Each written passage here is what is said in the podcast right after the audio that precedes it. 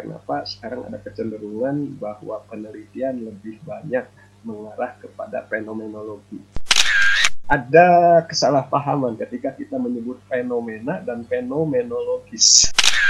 Ternyata banyak yang tidak memahami bahkan sampai di level S2 sekalipun itu ya. banyak tidak memahami.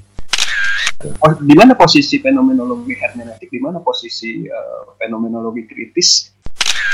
Iya. Minat, kerja semangat untuk meneliti itu tidak boleh dibunuh, Pak.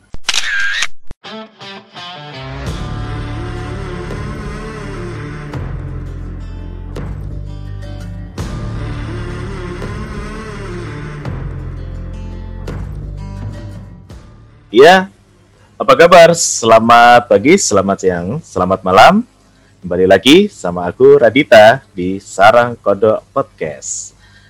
Uh, pada malam ini ya akan terjadi suatu bentuk perbincangan yang seru, menggelegar gitu seperti peristiwa gempa yang terjadi beberapa hari yang lalu. Tapi di sini mungkin perbincangan kita akan menggelegar juga karena kebetulan di sini saya kedatangan oleh uh, ilmuwan sosial gitu ya social science itu uh, dan juga seorang akademisi yang sudah menjadi favorit dan ya penggemar uh, saya sudah menggemari dari zaman tahun 2003 saya kuliah S1 lah dan dulu waktu ngerjain skripsi waduh paling ketol banget lah baca buku karya dari Bapak Alex Sobur. Ya halo Pak Alex. Kumaha damang halo, Pak? halo aduh juga nih disebut ilmuwan Pak Gora iya ini uh, kebanggaan banget loh saya bisa komunikasi dengan Pak Alex yang ya sudah menjadi fenomenal ketika bukunya keluar uh, analisis semiotika berwarna kuning itu fenomenal banget Pak. Ikonik banget buku itu. Dan uh, analisis teks media yang masih sampai sekarang digunakan oleh anak-anak dari level skripsi sampai level S3 bayangin level S3 nulis. Saya gak kebayang ya Pak Alex dulu ketika menulis analisis semiotika analisis teks media itu dulu aduh gak kebayang deh itu dulu mikirnya berapa lama itu ya sampai bisa membuat buku itu fenomenal selama bertahun-tahun gitu. Kalau dulu deret 10 tahun ya Pak Gora. Wah udah puluhan 20, tahun Pak. Iya 2001 ya dulu kalau nggak salah. 2001 Pak. Dulu buku fenomenal itu yang fenomenal itu adalah bukunya Pak Alex dan Profesor Dedi Mulyana. Ya, oke teman-teman, uh, kalau sering dengar nama pengantar ilmu komunikasi, uh, Profesor Dedi Mulyana ini adalah kakak kandung dari Pak Alex ya Pak ya, kakak kakak kandung. Saya tuh uh, sampai gimana ya? Ini luar biasa, uh, sepertinya keluarga ilmuwan. Betul ya Pak ya. keluarga ilmuwan yang sudah menelurkan karya-karya yang luar biasa dan wah itu kayaknya saya sebagai penulis buku aja mesti harus belajar lagi. ya Pak Alex ya. Malu juga. iya Pak. Nah teman-teman uh, untuk kali ini ya saya mau membahas tentang uh, aku bahas ini tentang filsafat fenomenologi gitu ya. Ini menarik loh sebetulnya filsafat fenomenologi dan banyak terjadi persoalan perdebatan di dalam fenomenologi. Apalagi fenomenologi ini menjadi kontras dengan adanya pandangan-pandangan positivis kuantitatif gitu ya. Jadi ya. mungkin cocok kali ya Pak ya kalau mahasiswa yang nggak suka hitung-hitungan gitu langsung ke ranah fenomenologi. Tapi mungkin pemikirannya juga harus lebih in-depth di situ ya Pak ya. ya. nah, mungkin sedikit kita uh, ulas ya, apa sih sebetulnya Pak? Kenapa fenomenologi itu menjadi kajian yang begitu menarik dan banyak digunakan oleh uh, kajian-kajian riset di terutama di bidang kajian sosial dan budaya itu daya tariknya di mana ya Pak Alex ya? Ya, uh, saya juga agak agak kaget juga ya Pak Gora. Intinya iya, Pak. saya melihat uh, di beberapa perguruan tinggi seperti di Unpad ya. Iya, Pak. Saya dengar sendiri dari Profesor Dedi Mulyana hmm. bahwa ada kecenderungan riset-riset iya. mulai dari S1, S2 dan S3 nampaknya ada semacam peningkatan yang sedemikian signifikan, yeah. terutama di ranah uh, paradigma uh, namanya fenomenologis ya atau kualitatif. Yeah. Betul pak. Uh, uh, sayangnya saya tidak memperoleh data yang uh, konkret gitu berapa banyak berapa persen dari semua riset atau penelitian-penelitian dan terutama baik di uh, ranah ilmu-ilmu sosial dan khususnya lagi adalah di komunikasi. Tetapi uh, kalau saya melihat ya uh, satu dua perguruan tinggi di Jakarta dan yeah. uh, beberapa perguruan tinggi di Bandung, memang fenomena ini sepertinya uh, ada semacam kesamaan. Oh kesamaan ya. uh, dan memang ini agak dekat-dekat juga kan Pak. Kalau dulu hmm. ada yang namanya uh, semiotika, saya juga agak agak heran juga karena Pak Gora bilang tadi eh, ketika saya menulis analisis teks media, yaitu pengantar untuk memasuki ya betul. analisis wacana, analisis betul. wacana apa analisis semiotika, analisis framing. Iya. Saya pikir lima tahun ketika itu wah sudah sudah sampai pada titik jenuh. Hmm. Ternyata juga sampai masih bertahan 20 tahun sekarang ini. Tetapi sekarang iya. nampaknya sudah mulai ada ada ada semacam pendekatan baru Betul. Bedanya kalau kalau semiotika, framing dan wacana atau wacana kritis, yaitu lebih pada tataran teks, ya eh, termasuk teks media. Yeah. Sekarang ini kan riset-riset eh, dalam eh, apa namanya konteks lapangan. Konteks Jadi kalau kita bagi eh, riset itu kan baik kuantitatif atau kualitatif, secara garis besar kan ada dua ya. Betul. Ada teks lapangan, ada teks media atau media. apa analisis teks ya. Betul. Riset pada analisis teks Iya. Nah, jadi uh, tadi pertanyaan kembali kepada pertanyaan uh, Pak Gora, kenapa sekarang ada kecenderungan bahwa penelitian lebih banyak mengarah kepada fenomenologi? Betul, Pak. Uh, saya kira apalagi di, di 5-6 bulan terakhir atau memasuki awal-awal 2020 ketika hmm. terjadi wabah uh, pandemi COVID-19 COVID. Iya nampaknya ini juga sangat berkaitan dengan soal fenomena. Betul. Uh, ada kesalahpahaman ketika kita menyebut fenomena dan fenomenologis. Iya. Sering kontrasnya uh, di situ. Kesalahpahaman ini uh, terjadi manakala saya membaca secara sepintas judul-judul yang penelitian fenomenologi itu selalu dimulai dengan kata fenomena. Iya. Karena nama depannya sama, eh huruf depannya iya. sama. Padahal fenomena itu kan kalau saya katakan sebagai suatu peristiwa, peristiwa biasa. Hmm. Beda dengan kalau kita jadikan kata sifat fenomenal, pakai nah, ya. Kalau betul lah, beda lagi. Tapi kalaupun itu peristiwa atau realitas, maka hmm. yang kita maksud adalah realitas yang lain daripada yang lain, betul. yang luar biasa, sesuatu hmm. yang ganjil, sesuatu hmm. yang menarik perhatian karena itu ya disebut sebagai fenomena artinya peristiwa atau realitas yang lain daripada yang lain yang luar biasa. Iya, betul. Nah kaitannya dengan kenapa ini banyak menyedot perhatian para ilmuwan, para para peneliti, itu karena memang eh, pendekatan fenomena itu sangat banyak dilakukan pada dunia medis, pak. Hmm. Misalkan pengalaman-pengalaman. Ini saya belum melihat ya bagaimana yeah. para korban hmm. di wisma atlet kan. Iya, betul. Mereka memaknai pengalamannya selama hmm. di karantina di sana hmm. atau cerita-cerita para perawat ya, para dokter. Uh, hmm. Nah, ini karena karena situasi yang tidak memungkinkan untuk pendekatan sehingga mungkin nanti setelah agak normal penelitian ini saya saya saya uh, memprediksi akan lebih banyak. Betul. Ya. Nah, itulah Pak. Jadi uh, dunia medis ini uh, sepertinya ber, sangat beririsan gitu dengan pendekatan-pendekatan fenomenologi. Jadi intinya kembali ke pertanyaan, pertanyaan tadi, nampaknya memang dunia fenomena apa uh, hmm. uh, penelitian fenomenologis itu adalah sesuatu yang sebetulnya ada di sekitar kita, Betul. berdekatan di sekitar kita, iya. dan uh, bagaimana kita memasuki dunia mereka itu. Ya, iya. yang namanya fenomenologi itu kan adalah bagaimana kita memaknai apa yang disebut iya. uh, intersubjektivitas hmm. dunia kehidupan atau hmm. dunia kehidupan sehari-hari. Iya. Jadi itulah Pak barangkali uh, orang sudah mulai melirik. Oh. Kenapa? Kenapa?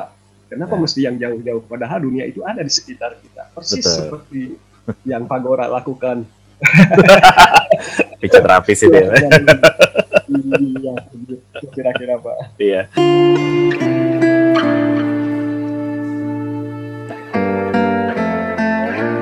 Tapi dalam fenomenologi itu kan uh, selalu menjadi tanda tanya itu ya. karena kan berangkat dasar etimologinya adalah fenomenon gitu ya dalam bahasa Yunani kan itu fenomenon gitu.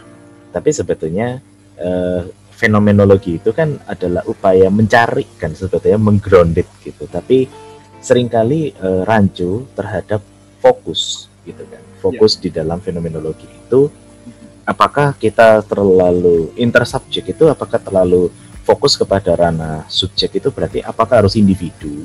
Ataukah bisa kelompok? Atau mungkinkah uh, misalkan teks itu bisa menjadi ranah fenomenologi juga gitu Pak? Gitu ya sepanjang itu bersentuhan beririsan dengan setiap pengalaman manusia itu bisa saja oh, bisa saja memang dalam dalam pengertian dalam pengertian sempit Pak fenomenologi yeah. itu terarah kepada bagaimana orang individu subjek aktor pelaku atau pelaku. Nah ini ini juga perlu saya sampaikan kalau kita meneliti subjek artinya manusia, yeah. maka sebaiknya hindarkan kata-kata responden. Oh betul. Ya, supaya tidak rancu, tidak dengan dia. Kalaupun yeah. kita mau menyebut, dia bisa disebut sebagai aktor, dia bisa disebut sebagai pelaku, narasumber, partisipan, yeah. atau apalagi ya, hmm. uh, informan, ya dan sebagainya. Betul. Supaya kita tahu bahwa yang kita teliti itu adalah manusia. Tetapi terkait dengan pertanyaan tadi, sebetulnya subjeknya tidak harus manusia. Oh. Bisa dia gejala sosial, yeah. dia gejala budaya, dia juga termasuk adalah X ya. Iya, Karena teks itu kan hasil pengalaman atau refleksi atau renungan para penulis. Oh, refleksi penulisnya ya. ya, refleksi penulis dan itu artinya misalkan eh, ketika kita membaca bumi manusia, membaca uh, karya-karya Pramudia Ananta, Pramudia Ananta, kan sebetulnya itu disebut roman atau roman sejarah. Roman Bagaimana sejarah. teks antara yeah. antara antara fiksi dan hmm. uh, fakta itu menyatu gitu. Betul. Nah, di sinilah kemudian menarik sebetulnya untuk diteliti karena itu yang namanya atau uh, fenomenologi itu bisa masuk ke ranah sastra. Oh sastra juga ya masuk ya. Iya. Bahkan Pak Deddy kemarin itu menyebutkan kan karya-karya apa itu uh, puisinya puisinya siapa itu Pak? Yang uh, Kairi bulan Juli itu. Kairi Lanwar mungkin Pak? Uh, uh, bukan bukan uh, apa itu? Yang almarhum. Uh, uh, itu apa namanya Ando. Rendra Rendra Pak Wes Rendra uh, atau Sapardi Joko Darmono Prof Sapardi ya, Darmono Profesor Sapardi Darmono itu kemarin coba uh, puisinya itu kan sebetulnya adalah uh, refleksi hmm. bagaimana uh, Sapardi Djoko Damono itu melihat uh, alam semesta itu sebagai sebuah kehidupan yeah. sehari-hari yang dia lihat setiap saat Iya. Karena itu kalau kita melihat uh, atau mencoba me melihat ya hmm. kata-kata yang ada dalam puisi itu begitu begitu mendalam masuk gitu dalam masuk hati, ya seolah-olah dia bercerita tentang dirinya iya betul dia melihat alam iya. nah itulah jadi uh, artinya pak puisi-puisi termasuk puisi Rendra puisi yeah. Hairil Anwar kan itu sebetulnya adalah hasil refleksi Hmm. Cuma, nah persoalannya adalah dengan cara bagaimana kita menganalisisnya. Iya. ini, nah, ini memang memerlukan memerlukan visual analisis yang tepat ya. Iya betul. Nah, persoalannya sekarang adalah yeah. dengan model siapa, model apa kita bisa yeah. menganalisis itu. Karena begini, sebagaimana halnya dalam uh, metode penelitian kualitatif atau sebagaimana halnya dalam yeah. filsafat ya yeah. kita tidak pernah akan menemukan pemikiran yang baku dalam filsafat. Ya. Yeah. Sebut saja Aristoteles, ya, uh, Plato, Socrates, ya. Yeah. Mereka kan para pemikir besar. Setiap kita berbicara filsafat, nama-nama mereka disebut, tapi sistem pemikiran mereka itu satu sama lain berbeda, berbeda. dalam memaknai hmm. apa yang disebut sebagai alam semesta atau dunia yeah. pengalaman. Dunia. nah, jadi uh, sebetulnya fenomenologi itu uh, ada kaitan erat dengan filsafat, mm-hmm. ya. Karena itu fenomenologi sering disebut sebagai uh, aliran filsafat, sebagai Betul. pemikiran filsafat, atau Betul. sebagai bahkan tradisi komunikasi kalau kita merujuk pada Robert Craig, ya, yeah. atau uh, Stephen Littlejohn, atau bisa juga sebagai uh, sikap dalam psikologi, yeah. ya. Jadi sebetulnya, tapi kalau kita membagi secara besar dalam dua bagian besar, sebetulnya dia masuk ke dalam apa namanya ranah filsafat dan sekaligus fenomenologi. Karena itu Fedora sering menyebut ada fenomenologi yeah. kritis, ada fenomenologi yeah. hermeneutis. hermeneutis. Sebetulnya nah, ini kita mulai uh, memasuki dunia-dunia yang mungkin uh, cukup cukup apa ya? Iya. Uh, seperti kita masuk dunia eh masuk hutan ya, masuk Betul. hutan belantara kita Belantara. tidak tahu Oh. bagaimana cara masuknya, bagaimana cara betul betul betul. ketika kita sudah ada di dalam hutan gitu Iya.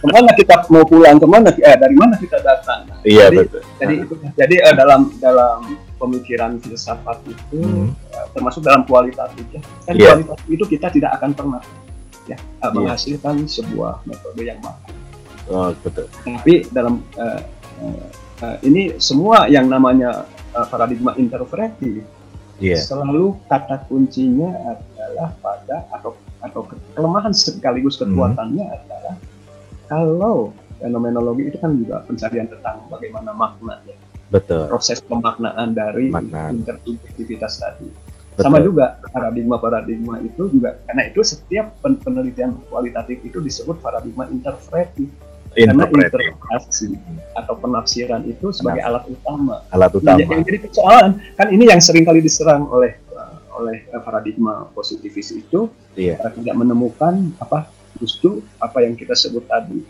uh, bebas menginterpretasikan apa Iya.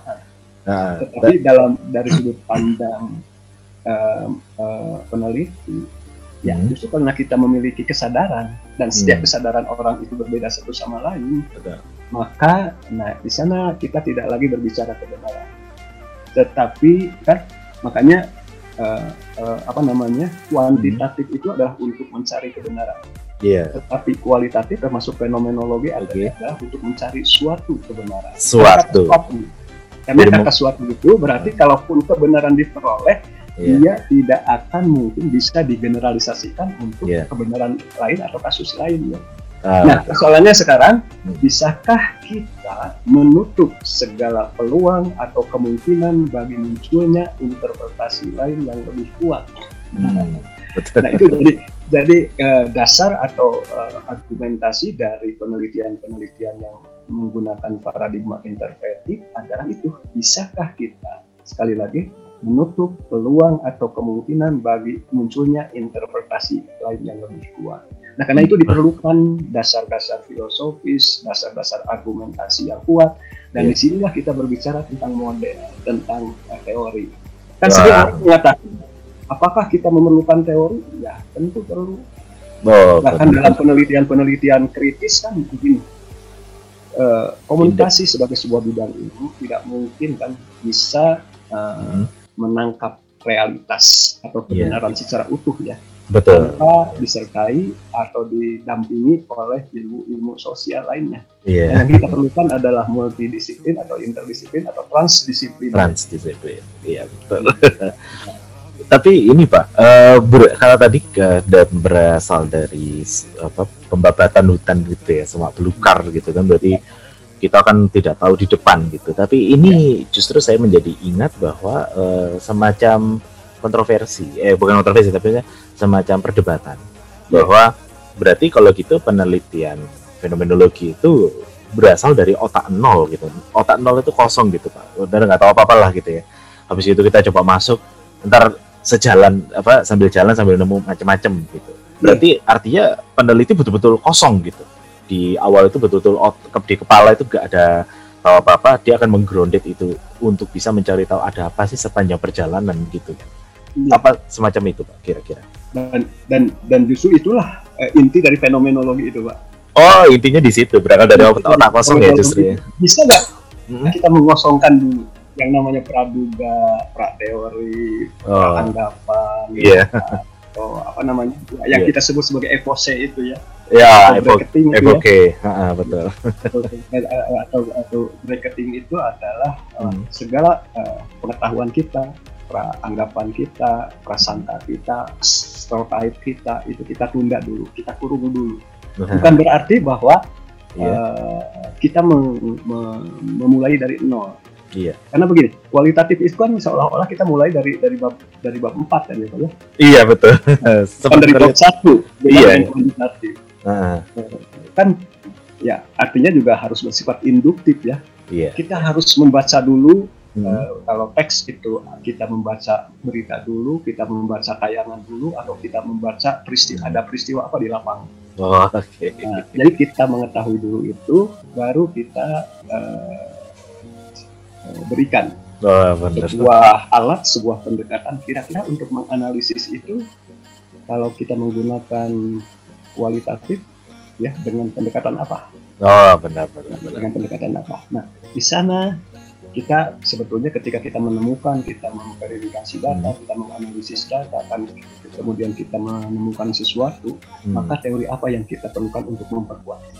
Oh, Sebetulnya teori itu diperlukan hmm. sekali lagi untuk menguatkan apa yang kita temukan. Iya. Nah, inilah yang jadi perdebatan, tapi kita kan tidak untuk membentur-benturkan antara kuantitas dan kualitas. Iya, benar, karena, betul. Karena bagaimanapun dua pendekatan atau paradigma ini memiliki uh, kelebihan sekaligus kekurangan. Betul. Tetapi, uh, nah ini yang sering kali misalkan kalau boleh saya ada ada sedikit menyimpang soal paradigma ini. Iya. Kan kenapa kenapa paradigma empiris dan paradigma kritis itu selalu terkesan berbenturan? Hmm. karena memang uh, yang namanya paradigma empiris itu kan itu uh, sering kali menggunakan tes-tes statistik yang ketat, yang akurat atau yeah. penelitian, penelitian canggih prosedur yang ketat gitu ya sesuai uh, struktur begitu. Ya, ya. awalnya juga uh, Edmund Husserl kan begitu ya dalam fenomenologi yeah. itu ingin yeah. menerapkan uh, apa namanya pengujian-pengujian yang ketat seperti yang terjadi dalam matematika. Tetapi kan uh, uh, uh, ini juga justru dianggap oleh pendekatan kritis bahwa kuantifikasi yang tinggi, tes-tes statistik yang ketat, yang akurat itu hmm. sering disebut sebagai apa yang dikatakan uh, lebih mengutamakan uh, apa namanya sofistikasi ya, sofistikasi yeah. atau kecanggihan metodologi yeah. ketimbang uh, temuan apa ha, ha, uh, hakikat atau oh, yeah. inti, inti penelitian. Nah, yeah. yang menjadi inti penelitian dari dari kualitatif termasuk fenomenologis itu adalah bisa nggak kita menemukan kejelasan realitas. Sekali lagi yeah. kata kuncinya kejelasan realitas atau temuan-temuan teoritis. Iya, yeah, betul. Nah, memang memang ini akhirnya juga hmm. pasti kalau kalau mau dibentur-benturkan juga hmm. sebetulnya banyak ya. Iya. Ya, sehingga uh, sampai pada pada pertanyaan besar bisakah kuantitatif dan kualitatif itu digabungkan?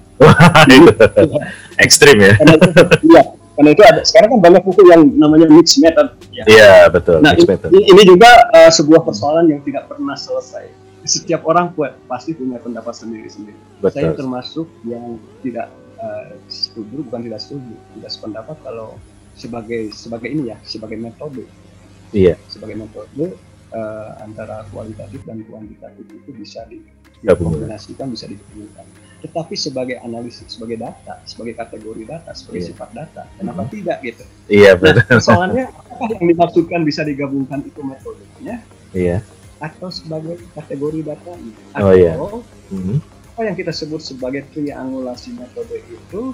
Iya. Uh, apakah ini juga bisa disebut mix, mix hmm. method atau tidak? Mix method itu hmm. kuantitatif dulu, kemudian nanti kita kembangkan menjadi kualitatif. Yeah. Persoalan-persoalan teknis. Jadi memang jawaban-jawaban bisa dan tidak itu yeah. uh, belum titik ya sebetulnya tergantung oh, pada yeah. konteksnya. pada konteks. Tidak, tidak ekstrim mengatakan itu tidak bisa digabung, tapi dengan beberapa catatan gitu. Iya.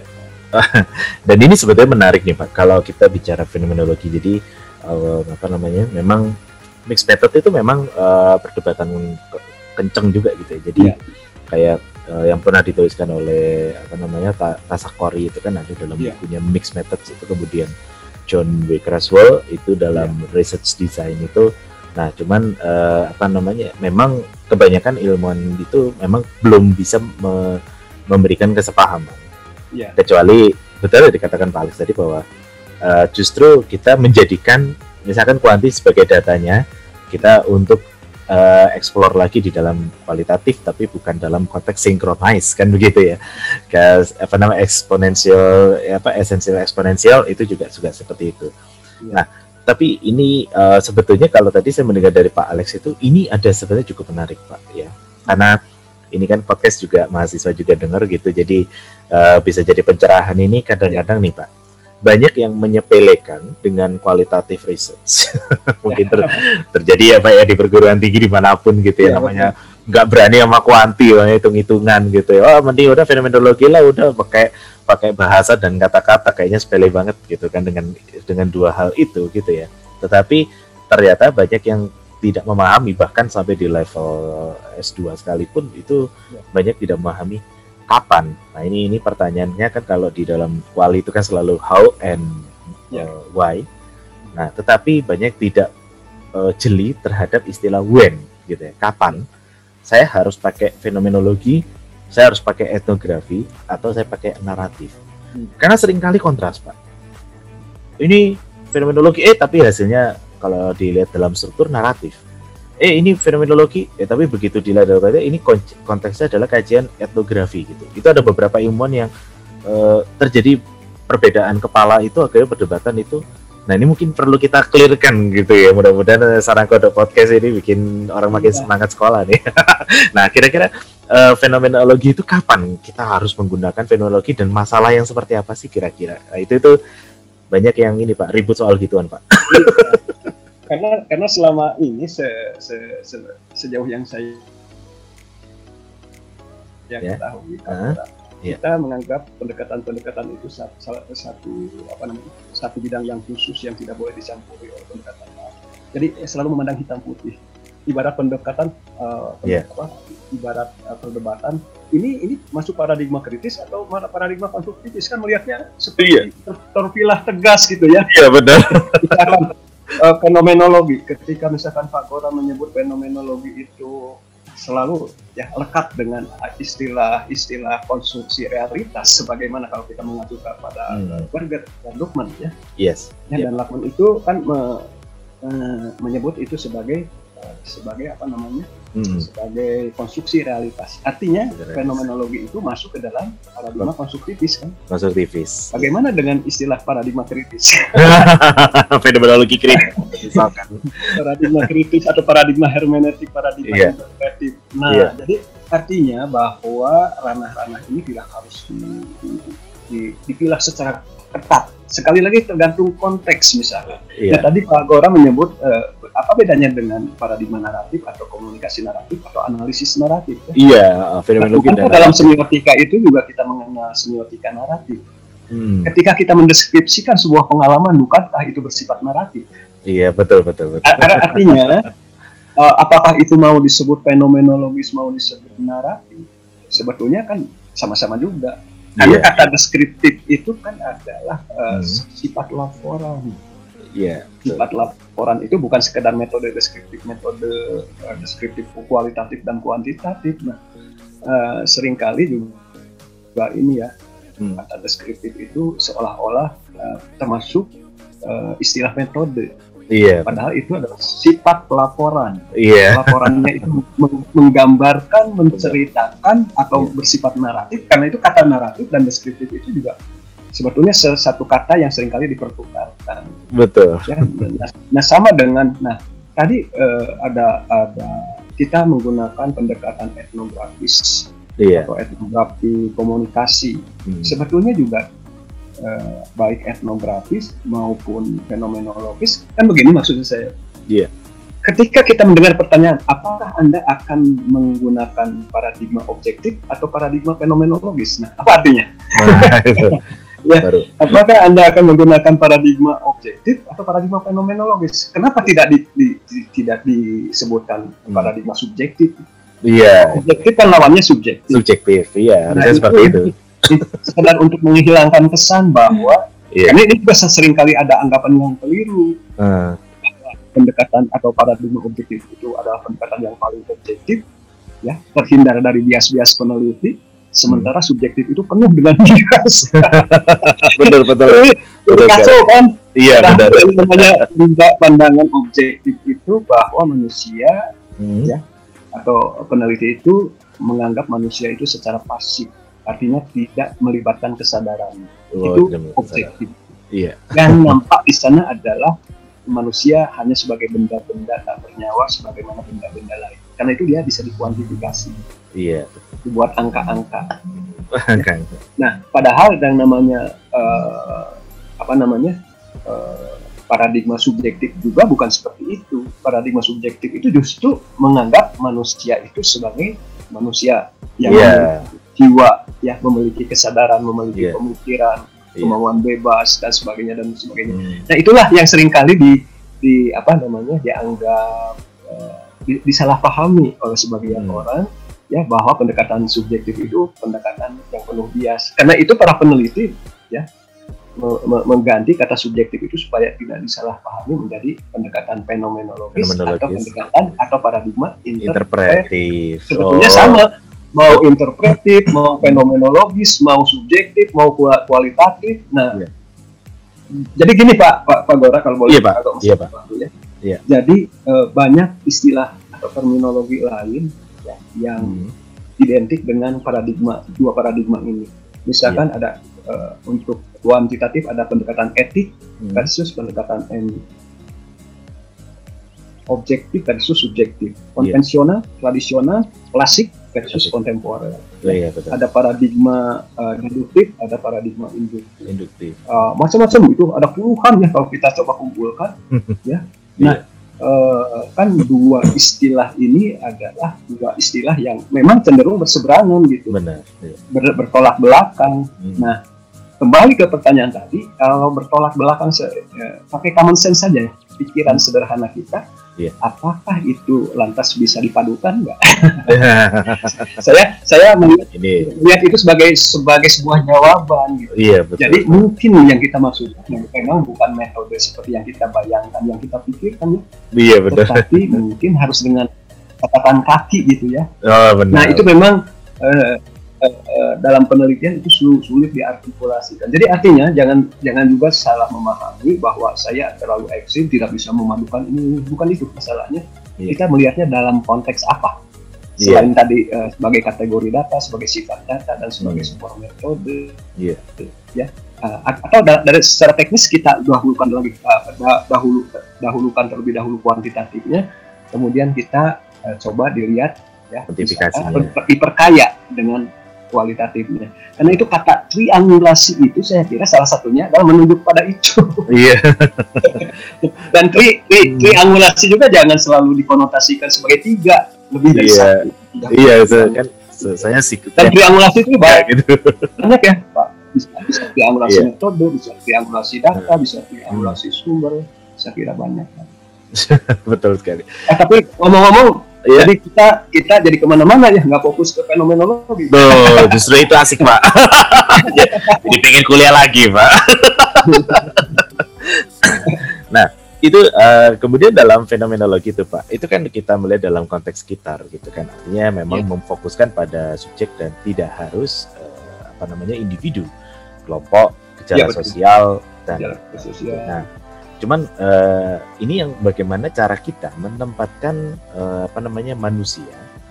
Ini yang uh, kalau saya lihat ada sedikit kontras ya dengan Edmund Husserl dengan beberapa pakar pakar fenomenologi yang lain itu bahwa Edmund Husserl itu terlalu melihat manusia itu ya sebagai human. Artinya yeah. uh, manus manusiawi gitu ya, uh, intuisinya manusia. Tapi uh, kalau kita melihat pada kontras Heidegger itu melihat posisi manusia itu kayaknya bukan manusia lagi gitu, hmm. tapi dilihat sebagai teks. Nah, ini gimana Pak? Statement ini kan sering kali uh, rancu karena dalam penelitian kadang-kadang suka antara Heidegger, Husserl ini kadang-kadang menempatkan posisi subjek itu terkadang bisa sesuatu yang apa ya, yang kurang dipahami terhadap hal yang paling mendasar gitu. Kira-kira bagaimana itu Pak ya melihat memposisikan manusia dalam fenomenologi atau objek yang kita teliti lah istilahnya, subjek yang kita teliti. Ya. Memang untuk memahami pemikiran baik Gadamer ataupun apa Heidegger ataupun Gadamer kita memang harus lebih banyak memahami dulu filsafat eh, apa namanya eh, kedua kedua pakar tersebut. Tapi eh, yang ingin saya katakan mm -hmm kan sebetulnya Edmund Husserl itu atau pemikir-pemikir uh, filsafat di era kosmo itu sebetulnya yeah, yeah. banyak diwarisi oleh uh, hmm. Edmund Husserl. Oh Husserl. Ya, yeah. Sartre. Oh Jean Paul Sartre. Sartre, Gadamer, Heidegger, Derrida. Yeah. Sebetulnya kan uh, itu banyak terinspirasi dari pemikiran-pemikiran Husserl. Tetapi kalau kalau Edmund Husserl ingin dijadikan semacam panduan untuk uh, katakanlah sebagai alat ya sebagai tools atau sebagai hmm. sebagai model yeah. kan sebetulnya Edmund Husserl itu pemikir pemikir uh, kalau boleh saya katakan itu sebagai konsep awalnya. Yeah. Kemudian bagaimana uh, Alfred Schutz itu mengartikulasikan sebagai muridnya kan mengartikulasikan konsep-konsep besar uh, atau Husserl. lebih tepatnya meng mengimplementasikan hmm. konsep-konsep hmm. besar Husserl itu ke dalam uh, tataran peno apa tataran metodologis tataran penelitian. Penelitian. Kemudian inilah yang kemudian diartikulasikan lagi oleh para penerusnya pelanjutnya ya oleh Sartre, oleh Heidegger, oleh Gadamer, oleh Derrida dan sebagainya. Termasuk juga uh, saya tidak tidak uh, melihat bagaimana misalkan juga Jürgen Habermas gitu ya.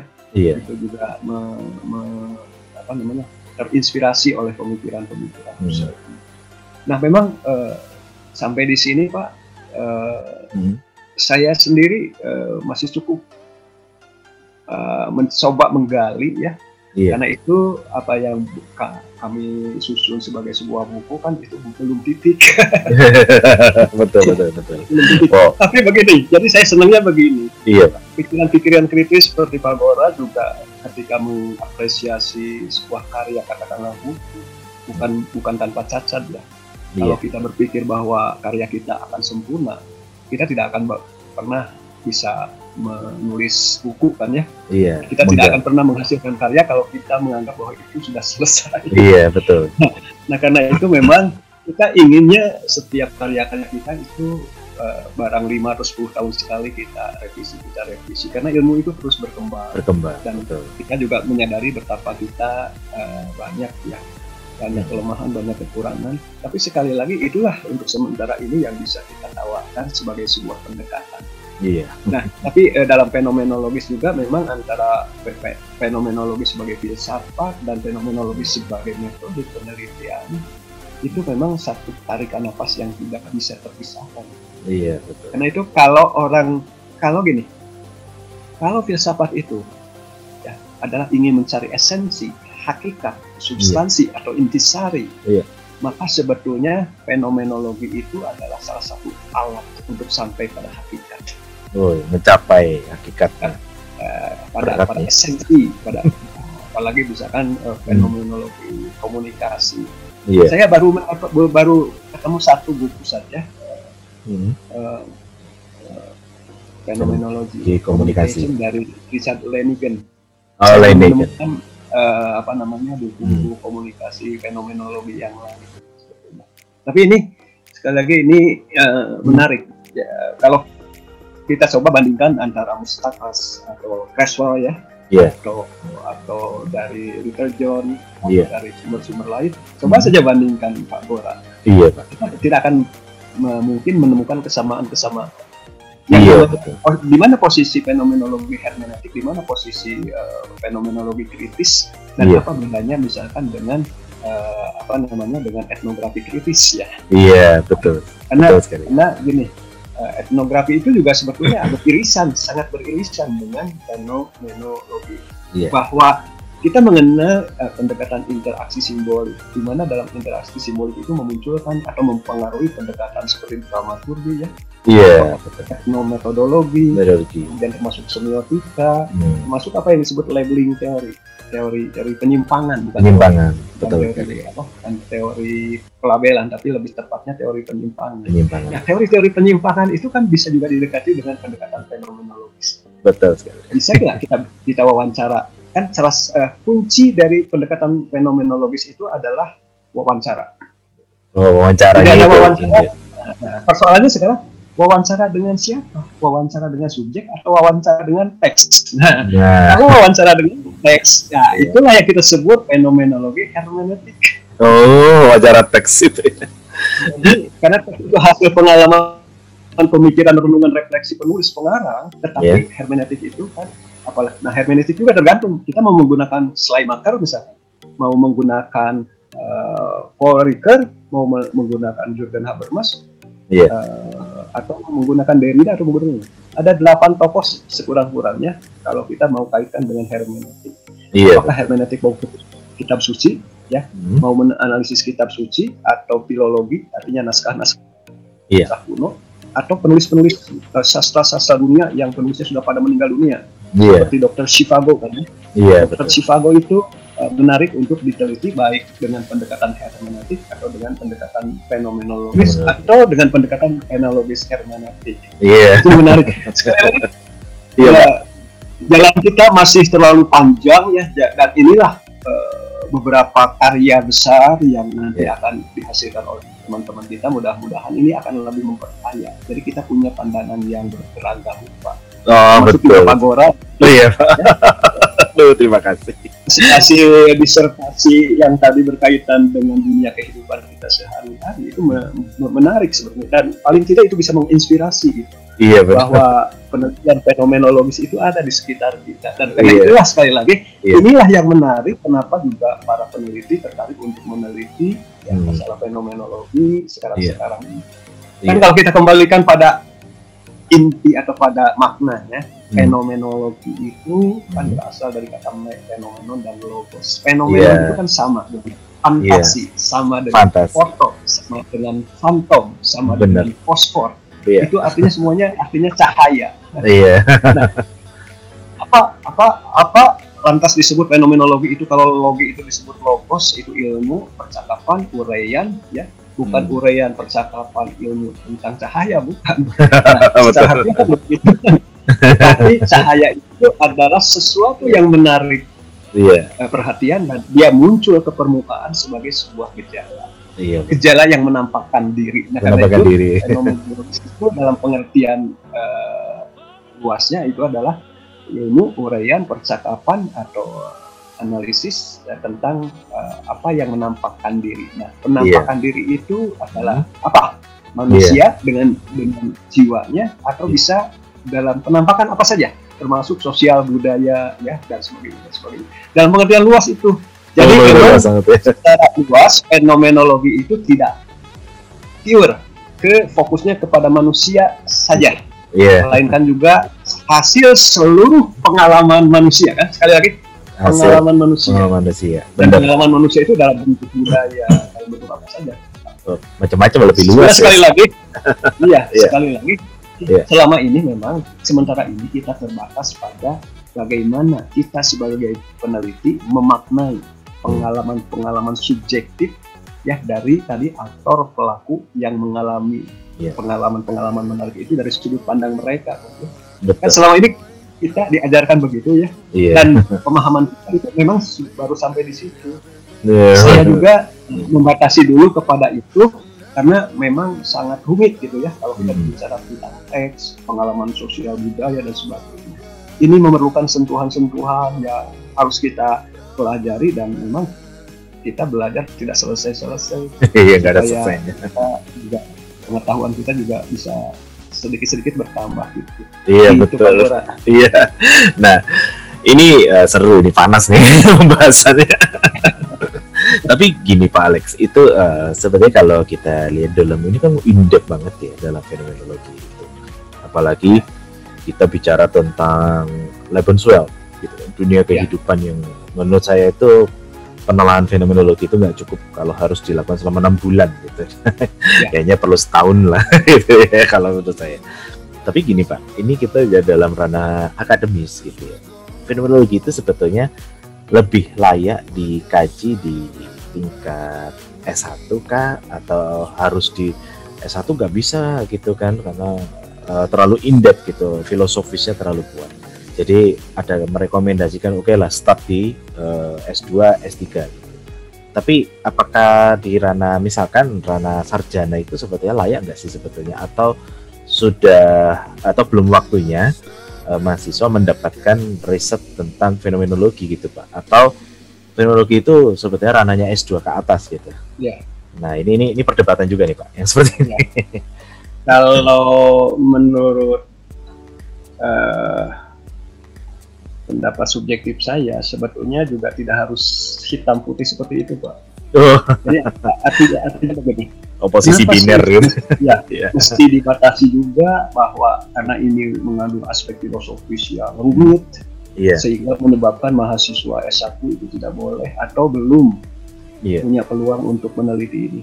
Justru uh, apa namanya minat ya, yeah. minat kemudian semangat untuk meneliti itu tidak boleh dibunuh, pak. Iya. Yeah. Tetapi yang yeah. perlu kita kita jelaskan atau yang perlu kita lakukan hmm. Teman-teman yang di S2 dari S3 atau yang mengajar di S2 dan S3 jangan menggunakan standar S3 S2 untuk mahasiswa S1. Seringkali kebablasan ya. gitu ya Pak. Kan, kan kayak gini sama juga dengan semiotika kan. Iya. Semiotika uh, selalu pakai Roland Barthes gitu ya. Uh, iya. Makna denotatif, makna konotatif, makna mitos atau paling juga setingkat John Fiske gitu Eh, berkaitan dengan soal representasi, realitas, ideologi, ya biarkan saja pengulangan-pengulangan ini biarkan yeah. uh, terjadi duplikasi juga biarkan karena mereka telah bersemangat. Hmm. Nah, mulai harus dibedakan ketika mereka meneliti atau melanjutkan penelitian semiotika atau fenomenologis di S2 itu harus diserai ada ada semacam uh, pengayaan dengan yeah. aspek filosofinya. Oh, ya. pengayaan ya. Ya, pengayaan jadi jadi derajat atau uh, apa namanya kadar ya kadar kesulitannya yeah. jangan jangan dirap jangan disamaratakan S3 S2 S1 kan kan ada juga Pak. Saya bukan yeah. sekali dua kali. Wah yeah. di universitas ini sudah terlalu banyak penelitian semiotika atau penelitian analisis wacana atau penelitian hmm. fenomenologis. Di stop saja. Nah itulah yang kontradiktif. Ya, itu, itu membunuh justru ya gitu. Ya itu membunuh Pak kalau menurut saya. Kalau anda menyetop metode ini coba anda tawarkan metode apa lagi yang bisa diberikan kepada mahasiswa? Yeah, kalau betul. kita belum belum bisa memberikan uh, alternatif lain jangan dibunuh iya. Yeah. saya saya su suka menyayangkan ya gara-gara iya. kita kurang selera terhadap pendekatan itu ya dibunuh saja apalagi kalau kita punya kekuasaan iya. Yeah. kekuasaan struktural punya kekuasaan gampang hilangkan saja. Dan seluruh dosen diinstruksikan untuk tidak menerima kalau ada mahasiswa yang menggunakan pendekatan habislah semua pendekatan kita. Nanti suatu saat akan terjadi. Wah kualitatif sudah terlalu banyak. Hilangkan saja kualitatif. Bayang nggak? Nanti gilirannya kualitatif terlalu banyak. Hilangkan kualitatif ya udah. Habis malah, malah kelihatannya kayak sentimen ini ya sentimen pribadi jadi kelihatannya ya. Jadi uh, ini kita kadang-kadang untuk memisahkan antara selera ya hmm. selera kita yeah. mestinya begini kalau kita belum paham terhadap kan saya juga sering disebut ahli pen, uh, ahli semiotika juga saya saya suka malu sendiri kan mungkin tahun ini saya mungkin saya, saya lebih concern kepada semiotika tahun ini saya uh, fenomenologi yeah. mungkin ke uh, tahun tahun depan saya lebih kepada uh, hermeneutik pendekatan kritis seperti postkolonialisme gitu ya. Oh, iya betul kan itu jarang sekali disentuh. Nah saya saya biasanya juga uh, ingin menawarkan sesuatu yang jarang disentuh gitu. Betul betul sekali. Karena itu juga juga semangat saya untuk memperkenalkan itu bahwa masih masih puluhan pak.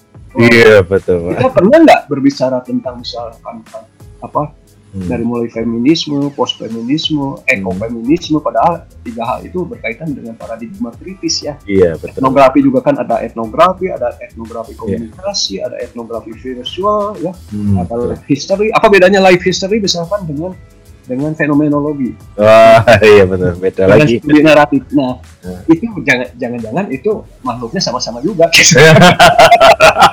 betul, Pak. nah, ini Pak, uh, fenomenologi ini sebetulnya memang uh, apa ya? Memang menurut saya sih betul di ranah S1 ini harusnya uh, sebenarnya mahasiswa sudah mulai ditekankan untuk mampu mengasah otak secara filosofis dan setelah kita mencari yang namanya uh, esensi kebenaran gitu, hakikat gitu ya. Jadi tidak ada ketergantungan dengan cara-cara generalisasi positivistik logis gitu kan, apa positivisme logis yang menekan pada logika matematis gitu. Nah, uh, tapi di sini uh, kalau tadi kita bicara dalam ranah apa eh dalam skop yang analisis gitu ya. Nah, ini yang ternyata juga menjadi persoalan yang cukup kontras ya. Ini sebetulnya sarang kodok ini udah jadi sarana sarana kontroversi keilmuan sebetulnya. nah, kontrasnya begini, Pak. Itu uh, banyak yang bingung uh, dari mana saya harus memulai untuk melakukan hmm penulisan di bab 4 kan kalau analisis kan begitu ya. ya. Nah, artinya dalam analisis itu Pak Alex tadi sudah menekankan bahwa kita harus tahu uh, melakukan cross checking terhadap triangulasi gitu kan. Bahkan ya. kuantitatif pun juga bisa dilakukan secara triangulasi dalam cross checking data baik itu credibility-nya uh, dari segi pemenuhan kriteria, transferability sampai uh, bahkan pada komparasinya itu kan juga bisa dilihat. Nah, tetapi uh, dalam ranah analis uh, reduksi reduksi data itu sering kali banyak yang bingung sih dari mana aku harus memulai maka uh, beberapa research peneliti itu sudah memberikan solusi dalam reduksi data sebagai nama Mills Haberman itu ada yang disebut dengan proses coding. Ya. Nah, uh, Levi Strauss dalam strukturalismenya itu dia menekankan bahwa uh, data coding selektif itu itu harus di, dilihat dalam tiga komponen. Ada open coding select open coding selektif eh axial coding dan selective coding di situ. Tapi ada juga yang uh, para fenomenologi para ahli fenomenologi justru juga mengatakan ada yang namanya uh, indeks tematik gitu untuk melihat yeah. uh, proses untuk melakukan proses reduksi data. Nah, ya. apakah memang fenomenologi ini juga perlu dilakukan semacam data coding, Pak? Coding data untuk melakukan uh, menemukan tema-tema yang akan ya. di apa namanya dilihat sebagai ranah analisis di situ. Kira-kira ya. bagaimana? Uh, bolehkah saya ini kan uh, me, ya ya menayangkan oh, ini, Pak? boleh banget Pak tapi uh, sarang kode ini cuma audio sih Pak, tapi nanti akan saya tampilkan oh, di iya. YouTube juga. ya, ya. yeah. Menayangkan semacam ini kalau ada ya. Uh, boleh, boleh, boleh, boleh, boleh Pak. Sedikit saja, tapi tadi karena ada ada Leben Swell ya, ada Leben Swell. Iya, Leben Swell. Ada, ada apa namanya? Iya. Uh, nah ini nih kompleks. ada, ada reduksi ya. Nah, hmm. hmm. jadi kalau kita melihat di mana iya. posisi reduksi? Dalam yeah. dalam kalau kita kembali kepada konsep uh, Husserl yeah. kan ini ya kita mengenal ya ada pose, ada reduksi, ada intensionalitas, ada Lebenswel. Nah, yeah. Reduksi yang kita maksudkan itu bisa reduksi tentang tadi ya tentang hmm. intersubjektivitas atau pengalaman keseharian subjek dan uh, reduksi dari hasil tadi hmm. pemikiran atau prasangka kita kan sebetulnya. Jadi maksudnya gini, uh, untuk subjek ya. Kan kan wawancara yang kita siapkan itu kan harusnya adalah bukan wawancara terstruktur. Melainkan wawancara tidak terstruktur atau paling tidak semi terstruktur semi artinya wawancara itu harus natural. Alami. Ya. harus alami. Jadi wawancara itu kita harus memahami dulu subjek. Siapa dia? Kebiasaannya apa? Kecenderungannya ya. apa? Ada masalah apa? Iya. Nah dari sana kita spontan mengajukan pertanyaan-pertanyaan dan kemudian mengejar yeah. jawaban-jawaban dari hmm. uh, narasumber atau dari informan itu. Hmm. Kemudian uh, setelah kita transkrip hasil wawancara itu bahkan gini dalam buku saya kan ditulis ya ketika kita wawancara ada ada kursi jatuh atau ada suara mobil saja harus dicatat menit keberapa detik keberapa. Iya betul itu karena karena suara-suara itu akan mempengaruhi jawaban subjek. oh iya iya benar benar. Jadi tadinya kita mau mau ngomong ini tiba-tiba belum, wah lupa lagi. Nah, ini mesti gitu. Dan orang tidak ngeh gitu. Kenapa Verba, sih mesti verbatimnya kacau langsung. karena kita lagi mencatat pengalaman bagaimana orang atau subjek memaknai pengalamannya, yeah. bagaimana dia menceritakan, mengisahkan pengalaman-pengalaman dia jadi intinya itu tapi dalam nanti ketika kita mentranskrip ya mencatat mentranskripsi baru kita uh, adakan semacam pemilahan tema-tema. Iya betul. Oh ini beri, misalkan hmm. bicara tentang ketika dia ditinggalkan oleh orang atau hewan yang dicintainya. Iya. Karena karena itu kan uh, siapa itu? Husserl ya atau siapa? Husserl. Yang yang pernah pernah memberikan contoh uh, hmm. uh, duka cita jadi duka cita itu banyak variannya banyak macamnya banyak jenisnya duka cita karena orang tua kita meninggal orang yang kita kasihi kekasih kita atau istri kita atau anak kita atau bahkan hewan peliharaan kita meninggal. Oh iya mati ah, ya. betul pak. Nah itu kan juga dunia fenomenologis. Padahal hmm. kita ingin mencatat ya dunia hewan atau kita ditinggalkan oleh hewan yang kita sayangi bagaimana berhari-hari kita merasa kehilangan sesuatu. Yeah. nah bisa nggak peneliti itu mencatat bagaimana perasaan dia? ya uh, ketika ditinggal oleh orang atau hewan yang dicintai. Oh, iya. Nah itu Pak di, di, dicatat, tetapi penderitaan itu pun banyak sekali. Apalagi kalau hmm. kita uh, kalau di buku itu dicatat tentang di, di camp konsentrasi Nazi hmm. itu ya. Iya. Ya. Ketika kita berbicara tentang uh, Viktor Frankl gitu ya. Hmm. Nah itu kan adalah pengalaman-pengalaman traumatis yang hmm. tercatat dalam sejarah pengalaman traumatis manusia. Traumatis. Dia ingin memper kenapa para para apa namanya tahanan itu masih berupaya untuk bertahan hidup Iya. Karena dia di, di, di dalam sisa hidupnya dia ingin memeluk anaknya satu kali saja. Dan itu terjadi Pak hari-hari ini di Tiongkok kan. Seorang iya. bisnis dia melupakan semua kekayaannya. Hmm. Karena dia menganggap bahwa kehidupan itu sendiri adalah sebuah kekayaan yang kekayaan. baik. Nah itulah kita menemukan hakikat dari kehidupan ini seperti itu. Oh. Dan ini menarik sekali Pak kalau Betul sekali. kalau kita kaji secara fenomenologis bagaimana manusia memaknai kehidupannya ya mengabaikan semua harta kekayaan karena dia menganggap bahwa kehidupan dan bertemu atau bisa memeluk dengan anaknya sendiri iya. itu dia bisa menembus dengan berapa miliar pun, berapa triliun pun kalau ada asal iya. diberi kesempatan satu kali saja dia bisa mencium iya. atau memeluk anak anaknya betapa betapa betapa indahnya gitu ya iya. kehidupan seperti itu nah bisa nggak kita sampai penelitian penelitian seperti itu nah jadi eh, sayangnya Iya. Uh, jadi uh, seorang peneliti yang baik itu sebetulnya juga adalah dia bisa nggak bercerita. Hmm, betul. Atau bagaimana dia menceritakan kisah-kisah itu, kisah-kisah hmm. orang-orang yang kita teliti Iya. Ya, karena itu uh, Pak Gora, nah yang iya, juga sering kali disalahpahami ini kalau penelitian-penelitian yeah. fenomenologi semacam ini itu dinilai dengan standar kuantitatif. Betul, Pak. Iya, jadi dikenal dianggapnya generalisasi gitu ya, ya, seperti itu ya. Bahkan ada gini, saya sering mendengar, kamu ini sedang melaporkan hasil penelitian atau sedang melaporkan uh, seperti kerja wartawan?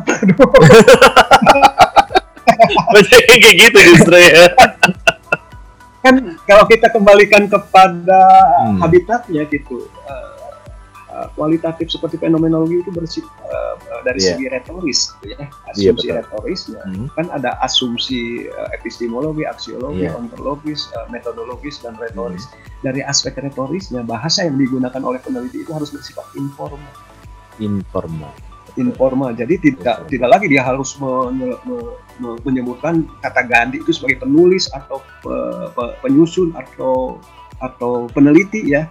Hmm. Dia bisa menyebutkan saya, aku, kita, kami dengan bahasa-bahasa informal. Tapi itu jarang diterima sebagai sebuah kajian ilmiah itu mah kajian jurnalistik. Iya. Ini dong, ya sesuai dengan pandangan ini, dari ini kan pekerjaan kita ya untuk meyakinkan bahwa ya. jangan menganggap bahwa bahasa jurnalistik itu bahasa yang yang yang tidak ilmiah. Ini. Iya betul betul. Kan ilmiah tidaknya suatu penelitian itu bukan dilihat apakah dia menggunakan uji statistik atau tidak. Iya. Tidaknya suatu penelitian itu yeah. lebih uh, mengacu kepada asas pemanfaatan. Asas pemanfaatan itu. Ya, yeah. Itu yang yang yang sering kali jadi intinya janganlah pendekatan atau metode kuantita, kualitatif itu kemudian dinilai dengan standar kuantitatif. Sama juga standar kuantitatif yeah. juga jangan dinilai dengan standar kualitatif. Hmm. Ah tulisannya kering, ah laporannya kering ya iya sama-sama juga. Makanya dua-duanya punya kelemahan. Betul. iya betul. Tapi sebetulnya kalau kita lihat ya itu seperti pandangan John Austin ya Pak. John L. Austin yeah. itu yang menekankan kepada pertutur gitu ya, gaya pertutur yeah. atau itu yang uh, bentuk komunikasi manusia kan memang berjalan secara apa adanya gitu. Makanya yeah. Ya. uh, di sini kalau kita lihat seperti pandangan Ferdinand de Saussure sendiri sebetulnya juga tidak selalu diterima gitu kan dalam uh, apa namanya fenomenologi itu karena terlalu mengacu pada aspek struktur gitu. Tapi kalau yeah dalam ranah fenomenologi sendiri kan diharapkan uh, semua terjadi secara natural, secara alami, ya kan? Artinya uh, kita hargailah apa yang dilihat dalam dunia kehidupan dari subjek. Gitu. Oh ya Pak, uh, ada sebenarnya ada ada rancu ya Pak ya. Dunia kehidupan dengan dunia sosial itu bed, perbedaannya bagaimana gitu ya kita? Sebetulnya sebetulnya itu kata yang sering kali dipertukarkan. Iya iya betul. Iya Memang uh. dunia dunia kehidupan itu uh, me, me, menafikan sosial. Oh, iya. Jadi uh. itu bagaikan eh, sering etika individual dan etika sosial. Iya betul betul. Yang dimaksud uh, kan itu problematis dalam sosiologi itu kan. Iya pak. Uh, iya bagaimana membedakan yang namanya manusia individu. Ya kayak kayak dalam sosiologi kan begitu ya. Kalau, hmm. kita mengacu lagi kepada uh, Lukman dan Berger itu dunia dunia sosial dunia kehidupan atau realitas sosial itu kan bagi bagaikan uh, tadi individu dan sosial. Iya. Jadi dalam sosiologi itu tidak di, uh, kata individu itu sesuatu yang sangat problematis Iya. Karena individu itu sama dengan sesuatu yang tidak terbagi. Itu sama dengan atom. Atom. Karena dalam ilmu pengetahuan kan atom itu sekarang sudah bisa dibagi lagi ke dalam partikel-partikel yang lebih kecil. Tapi iya, betul. cara kerjanya sama saja. Jadi manusia baru dianggap manusia apabila dia iya. tidak atau berhubungan dengan manusia lainnya. Jadi, oh. pertanyaan tadi kehidupan ini tadi sebetulnya kehidupan kehidupan tadi apa kehidupan individual kehidupan iya sosial. dunia kehidupan dunia sosial gitu dunia kehidupan dan sweat dan dunia dunia sosial itu sebetulnya sesuatu yang cair gitu ya iya satu sama lain bisa dipertukarkan juga cuma uh, iya. setiap setiap ilmuwan kan menyebutnya dengan dengan cara atau istilah yang agak berbeda iya yeah. Nah, apa apa sih bedanya misalkan paradigma interpretif, paradigma fenomenologi dan paradigma subjektif? Iya, sering dipertukarkan itu ya. Betul sekali. Nah, ini Pak, nah, ini nih mungkin sudah mendekati penghujung acara. Nah, ya. jadi uh, ini uh, berkaitan dengan penulisan laporan juga nih Pak, kontroversi ya. juga nih masalah ya. penulisan report gitu kan. Jadi ada yang mungkin ada yang mengatakan bahwa uh, reporting writing itu uh, penulisan laporan dari fenomenologi itu bisa kita lakukan dengan cara yang sastra artinya ya. dengan bahasa-bahasa yang menyentuh gitu ya romantis ya. gitu kan tetapi ada juga yang mungkin ada ilmuwan yang agak kaku gitu ya itu ataukah memang seperti itu uh, bahwa penulisan ilmiah itu harus stagnan terhadap uh, apa namanya EYD gitu apa ejanya di eh pokoknya EYD itu udah pasti ya uh, maksud dengan bahasa-bahasa yang ilmiah, bahasa yang baku. Sementara kalau kita ranah dalam ranah sastra itu kan bahasa itu kan cenderung lebih populer gitu ya. Bahkan bisa bercerita secara runut tentang kehidupannya, tentang ini tapi ada juga yang memandang apa namanya kalau dosen menguji ya udahlah ya, ngapain sih pakai ini bertele-tele gitu ya menceritakan dari rumahnya lah ke mana gitu. Nah proses penulisan report terhadap fenomenologi ini kan gimana ya seharusnya Pak Alex ya kira-kira ini report ya. uh. saya saya bisa memahami Pak pandangan atau pendapat seperti itu tapi yang jelas ya. ada nggak sebuah panduan yang me, me, menegaskan ya. bahwa dekatan katakanlah fenomenologi atau khusus, uh, umumnya kualitatif itu harus lima bab itu dari sistematikanya dulu Pak iya. ada nggak harus lima bab nggak ada sih kan sebetulnya yeah. dari sistematika saja tidak ada ketentuan yang baku mau 20 yeah. bab mau yeah. 10 bab yeah. sepanjang uh, institusi memungkinkan atau yeah. membuka sebuah kemungkinan itu bisa saja yeah. itu yang pertama hmm. kita bisa bayangkan Pak Gora kalau 10 bab mau nulis apa saja. nah, gak, bisa bayangin 10 bab. Seperti Pak Bora bilang tadi, yeah. kalau dalam sastra atau penulisan novel kita bisa berbab itu dengan menceritakan berbagai sisi, itu yeah. sah-sah saja. Hmm. Dan itu jangan dinilai dengan tadi kacamata atau yeah. kacamata kuda itu ya Pak. Yeah. Artinya jangan dinilai dengan standar yang lain. Yeah. Bahwa ini harus baku segala macam.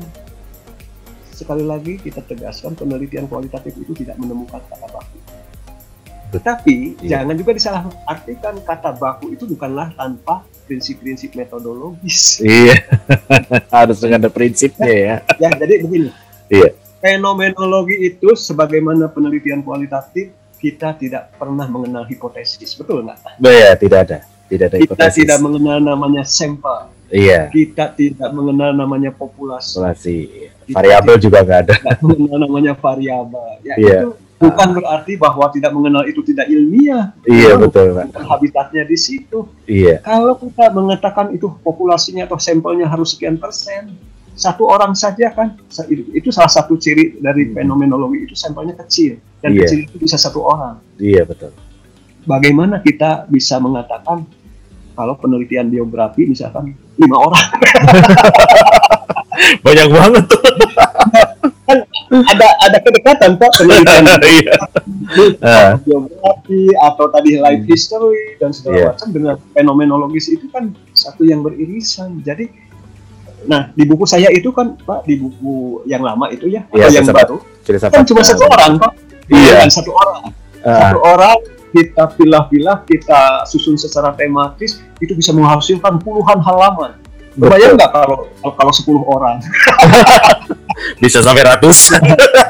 nah, itu sebabnya di buku yang iya. baru itu Pak itu di, di, di dituliskan bahwa yeah. untuk untuk untuk jurnal-jurnal ilmiah semacam Scopus sebaiknya peneliti menggunakan antara sekian 10 atau 20 atau 30. Iya betul. Karena itu ada pertimbangan-pertimbangan hmm. apa ya?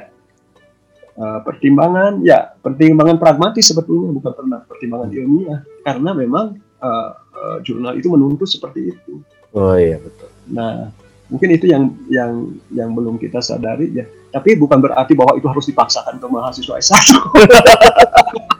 Terlalu berat ya, sepuluh ke sepuluh mahasiswa S1 kalau menurut saya Pak Gora yeah. mahasiswa satu soal narasumber atau informal cukup satu dua orang saja sebagai latihan iya yeah, betul dan kan yang namanya kualitatif kualitatif betulan kan harus ber, ber uh, kita mengenal misalkan salah seorang etnografer terbaik di dunia Iya. Clifford Gates ya. Clifford Gates. Ya, Clifford Gates itu kan terkenal dengan apa namanya? Uh, etnografi. Religion of Java. The Religion uh, oh, yeah. of ah, ya, dalam History of Java itu. Ya, nah, dalam betul. versi Indonesianya abangan santri dan priai ya.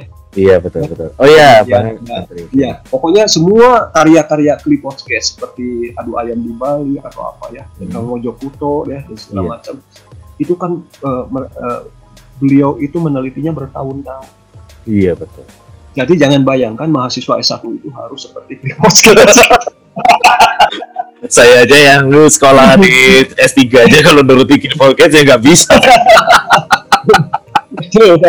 Jadi yang penting latihan, metodologisnya ditunjukkan, tapi standarnya dikurangi deh. Dikurangi standarnya. Jadi bukan berarti kita tidak boleh memberikan nilai 95 atau 100, silahkan saja. Itu dengan pertimbangan pertimbangan tertentu. Iya, betul. Itu, itu kategori mahasiswa satu. Kalau tidak begitu kan kasihan juga ya dan dan habislah hmm. Eh, apa namanya pendekatan-pendekatan yang kita perkenalkan kepada mahasiswa. Kalau iya. bisa jangan ada pembatasan mau menggunakan apa pun. Bahkan begini Pak Bora, iya, Pak. saya lebih saya lebih mengapresiasi mahasiswa iya. yang menggunakan metode tertentu yang baru saya dengar ya. Iya. Tapi dia sangat kreatif. Oh. Segala keterbatasan yang ada, walaupun hampir semua dosen tidak tahu. dan, dan jangan sampai dipaksakan.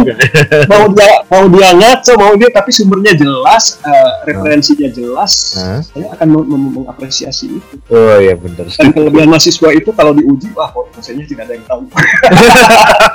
Betul pak. Menang banyak ya jadi mahasiswanya menang banyak. Tapi itu mahasiswa kreatif pinter deh. Berarti harus belajar apa yang tidak dipelajari oleh dosen gitu ya jadinya Mudah-mudahan banyak mahasiswa seperti itu ya. Iya Pak. Nah uh, ini Pak uh, kita udah di penghujung acara. Kira-kira saran nih Pak, saran masukan nih dari Pak Alex ya, ya. yang uh, apa namanya yang sudah juga berpengalaman sebagai seorang akademisi.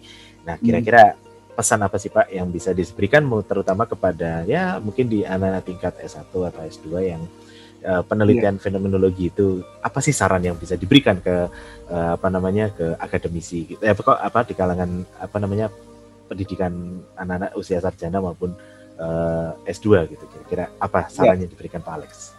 Sebetulnya ya uh, kita sering kali uh, berpikir betapa susahnya penelitian atau mencari hmm. ya, uh, apa namanya uh, penelitian jenis-jenis penelitian ya. fenomenologis.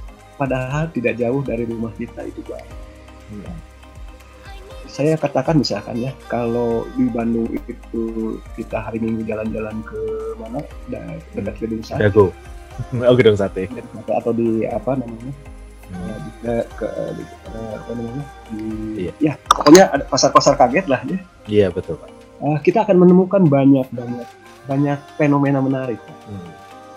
nah, kalau saya katakan fenomena karena fenomena menarik hmm. saya sering misalkan saya uh, sambil jalan-jalan ada tukang tutut ya kamu tahu tutut? Oh tahu tahu pak. Ke keong keong. Iya keong keong. sawah ya pak ya. Atau ikan belut ya. Iya betul itu kan apalagi di pusat-pusat kota seperti itu ada juga kan di pasar pasar iya. tradisional. Ini ini di, di tempat-tempat gitu tapi pak coba lihat. Uh, saya saya pernah ngobrol Mang dari mana ini diangkut oh dari sawah sawah mana oh daerah Sisalengka hmm. di daerah dekat dari apa uh, Sisalengka itu Bandung Timur Bandung Timur masih ada sawah-sawah tapi belut itu uh, atau lele itu bukan uh, bukan hasil ternakan tapi betul-betul misalkan lele kampung bukan lele dumbo hmm. bukan belut-belut yang diternak tapi belut-belut sawah oh. Dan itu di bawah Biar, ya? jam 6 sampai di Bandung hmm. di tiga sibu kan tiga sibu hmm. dan jam jam 8 jam 9 itu udah habis pak padahal bawanya beberapa kintal itu oh begitu juga uh, tukang tutut ya keong sawah itu ya, keong sawah keong hijau atau keong yeah. apa namanya hmm. laut ya hmm. itu berkintal-kintal artinya ratusan kilo hmm. nah namanya uh, tutut makna gitu ya tutut makna itu sejak beberapa tahun yang lalu saya lihat dan itu kemudian nyebar sekarang pak jadi ada semacam cabang-cabang di sekitar hmm. itu roda-roda semua dan yeah. itu sama pak. Jadi jam 9 jadi cuma dua jam berdagang kemudian habis. Habis. Oh. nah pertanyaannya iya. kenapa masyarakat kita cenderung kembali lagi ke hal yang bersifat lokal? Gitu. iya. Tidak lagi membeli di apa namanya pasar atau food ya atau di FC ya. Iya. Dunkin Donuts tapi kembali yeah. lagi ke tuku gitu ya. Yeah.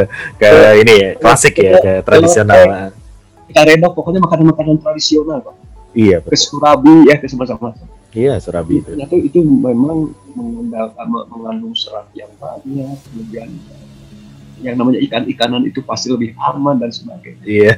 Ini kan sebetulnya fenomena menarik. Iya. Betul. Jadi iya. kalau kita mau me me melakukan penelitian fenomenologi, cobalah itu bagaimana oh, betul tentang putus bagaimana tukang yeah. surabi bagaimana hmm. itu ya yeah. yang sebetulnya kan itu adalah eh, kalangan-kalangan masyarakat bawah yang yeah. diangkat Iya. Tapi juga kita jangan mengeksploitasi mereka artinya sebagai peneliti. Iya. Kita juga ketika melakukan wawancara belilah bisa kompensasi sebenarnya. Oh, betul. Jangan-jangan S1 kita, S2 kita, bahkan S3 kita justru itu adalah hasil dari obrolan kita dengan mereka. Iya bisa jadi ya. Dan, dan itu selain untuk kepentingan kita juga untuk menciptakan hubungan yang lebih humanis dengan mereka. Iya. Yeah. Kita memang diajarkan pada proses itu, Pak. Iya. Yeah. Bagaimana memperlakukan para narasumber. Hmm. Persis seperti wartawan harus menjaga hubungan baik. baik. Iya. Bahkan kalau kita sudah lulus, sudah wisuda, iya. bisa catat namanya alamatnya. Hmm. Ya bukan sekedar apa yang kita berikan tapi ketika kita mengingat mereka dan mendatangi rumah mereka yeah. itu akan waduh itu saya merasa bagaimana bangga ya gitu betul banget pak iya Oke, okay. terima kasih banyak Pak Alex ya sudah uh, hadir di apa namanya sarang kodok ini ya. Nah ini ini tentunya banyak ya ilmu ya teman-teman uh, apa namanya mahasiswa ataupun akademisi ini yang uh, bisa seperti kuliah singkat ini dengan Pak Alex Sabur ini dan juga ini adalah. Mama Pak Gora, kalau saya rada ngalir gitu ini bicaranya. Enggak Pak, justru ini waduh, kita kita banyak perluasan ini Pak sebetulnya. Luar biasa banget ya. Oke, Pak Alex, terima kasih banyak Pak uh, sudah hadir di Sarang Kode Podcast. Oke, teman-teman semuanya, ya uh, ini tadi perbincangan dengan Pak Alex yang begitu luar biasa dan apa namanya uh, menjadi perbincangan sosok fenomenal yang sudah cukup tenar di dunia komunikasi dan bukunya juga wah banyak banget apalagi uh, saya ini termasuk kolektor bukunya Pak Alex wah cuman buku yang terakhir aja belum dapat tuh Pak. Aduh di, di toko buku belum ada Pak. Kelewat kelewat ya, baru. Saya ya. udah jadi nih Pak. Pak Gora saya lagi masih mencari-cari Oh iya, boleh nggak apa-apa pak. Ya Pak Iya, iya teman-teman, ya terima kasih Pak Alex ya dan juga teman-teman mungkin nanti uh, setelah mendengarkan saran kode podcast kali aja bisa langsung dapat inspirasi gitu ya untuk bikin ya langsung bikin skripsi, langsung bikin tesis. Uh, kalau perlu langsung minta sama dosennya Pak, saya langsung skripsi aja atau langsung ngerjain disertasi aja karena sudah karena terinspirasi langsung oleh Pak Alex. Iya, iya. Oke, ya ini tadi uh, perbincangannya seru ya dan juga uh, teman-teman Sarang Kode Podcast tetap terus ikuti episode per episode dari Sarang Kodok Podcast dan juga terima kasih. Assalamualaikum warahmatullahi wabarakatuh. Selamat pagi, selamat siang, dan selamat malam.